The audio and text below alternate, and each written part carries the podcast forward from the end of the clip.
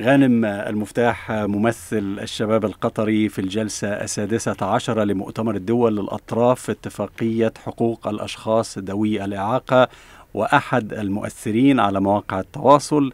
أهلا بك ضيفا على أخبار الأمم المتحدة. يعني آه، رأيناك تتحدث آه، أمام الأمم المتحدة آه، في بداية هذا المؤتمر. هل هي المرة الأولى لك في الأمم المتحدة وفي نيويورك؟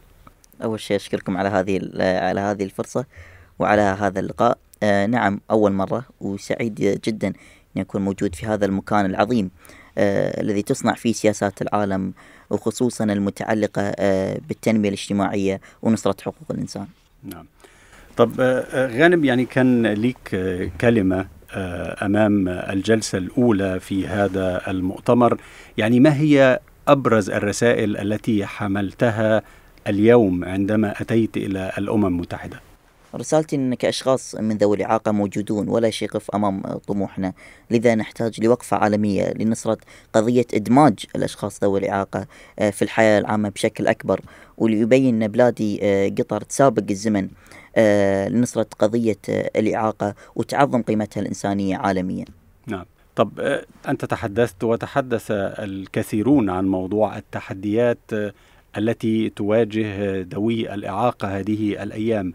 يعني لتبرز لنا أو لتلخص لنا يعني ما هي أبرز تلك التحديات والتحديات التي تواجهها أنت شخصيا حتى؟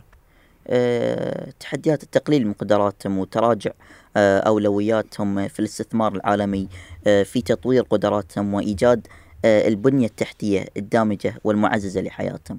يعني سمعنا أيضا من الأمين العام للأمم المتحدة رسالة وجهها إلى الجميع يعني ما رأيكم في هذه الرسالة؟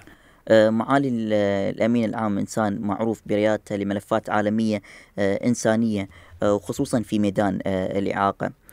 كلماته ودعواته تنبع من قيم نبيلة تجمعنا كبشر واجب الاستماع والاستماع لها وتلبيتها. آه، فاسمحوا لي كشاب قطري يمثل قطاع الشباب أن أحييه وأتمنى له كل التوفيق. طب رسالة أخيرة لكل من يسمعنا الآن وكل من يشاهد هذا اللقاء يعني ما هي الرسالة التي توجهها؟ آه، رسالتي أن ما في شيء اسمه مستحيل آه، بالإرادة والعزيمة نقدر نحقق أهدافنا. هذه الرسالة اللي دائما أوجهها. غانم المفتاح أشكرك شكرا, شكرا. جزيلا على وجودك معنا اليوم. شكرا, شكرا. جزاك الله